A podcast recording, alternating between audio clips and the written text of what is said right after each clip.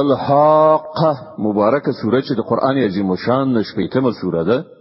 په مکی معظمه کې نازله شوې ده د 50 مبارک آیاتونه لري تلاوت او پښتو ترجمه یې لومړی آیت څخه اوري بسم الله الرحمن الرحیم د الله په نوم چې ډیر زیات مهربان پورا رحم لرونکی دی الحق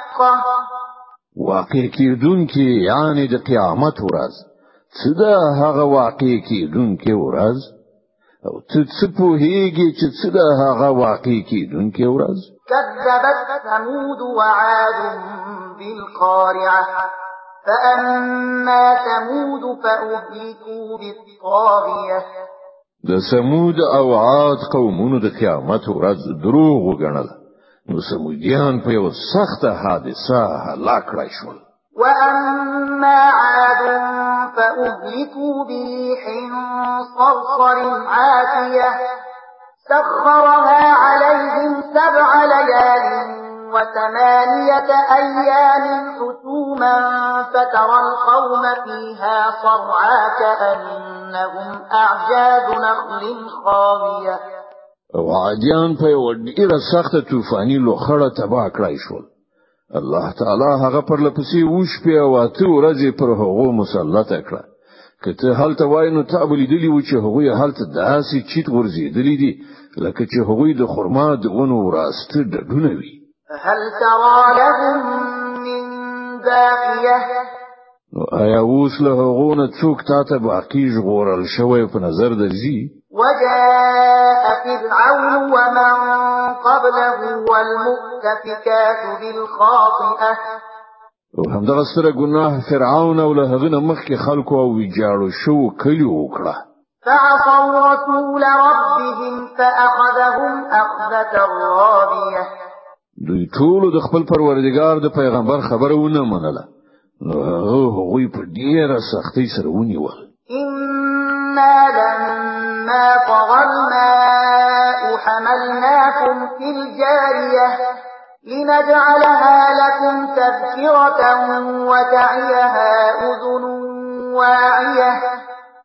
کله چې د اوبو طوفان له حد تیر شو نو مونږ تاسو په بیړۍ کې سپاره کړی وي تر څو چې دغه پیښه ستاسو لپاره یو د درس وړ یادګار وګرځو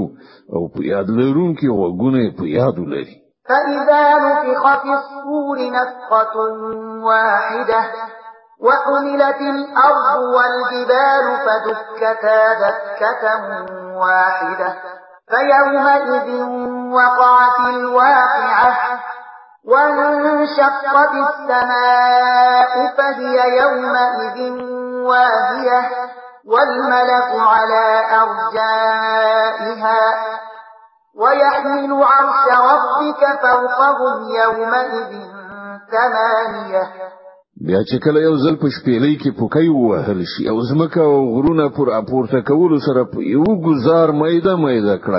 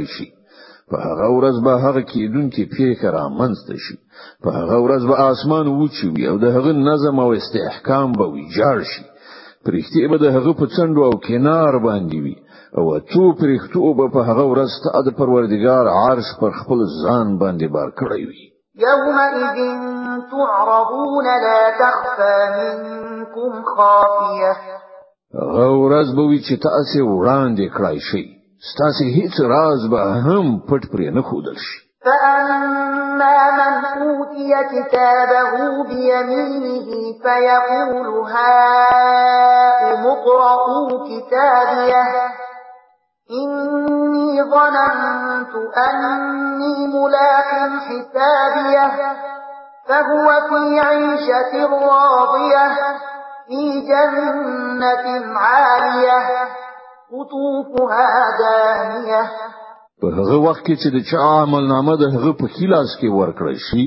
هغه به وایي هه وګورئ ولولئ زما عمل نامه مانګیرل چې زه ارو مرو له خپل حساب سره مخامخ کیدونکې نو هغه به په زړه پورې خوندونو کې وي په لوړ مقامي جنت کې چې د هغه د میوو وږي به راکاږي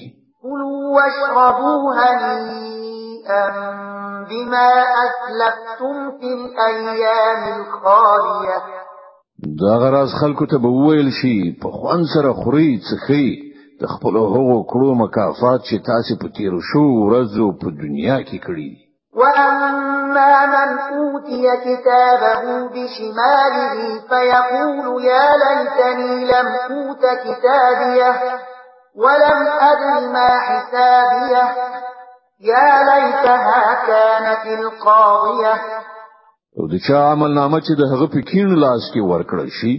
هغه به وای کاش کې زما عمل نامه ماته نه وای راکړی شوی او زه نه وای پوهیدل چې زما حساب څه دی کاش کې زما هغه مرګ چې په دنیا کې راغلی وو فیصله کوونکی یعنی پای ته رسیدونکی وای ما اغنا عني ماليه هلك عني سلطانيه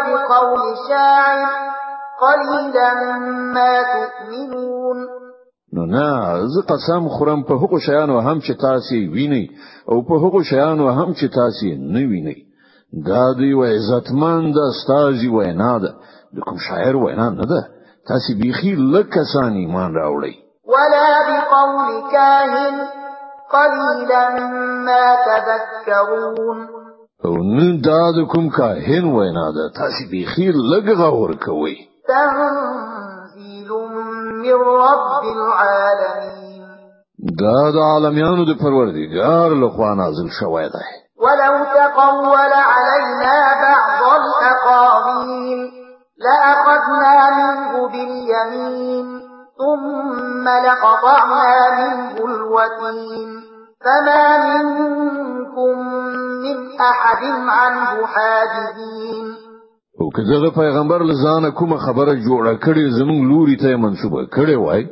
نو موږ به د دې خیلاس نیولای وای او د دې شارګي به مو پرې کړیو بیا ول تاسو نه هیڅ څوک له دې کار څخه زموږ منع کوونکی نو وانه لتذکرۃ للمتقین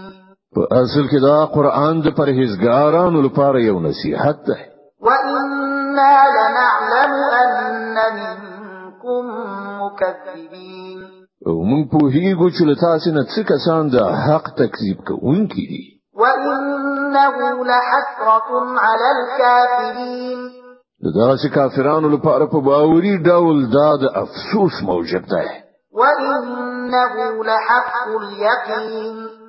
او دا قرآن بيخي يقيني حق ده فسبح باسم ربك العظيم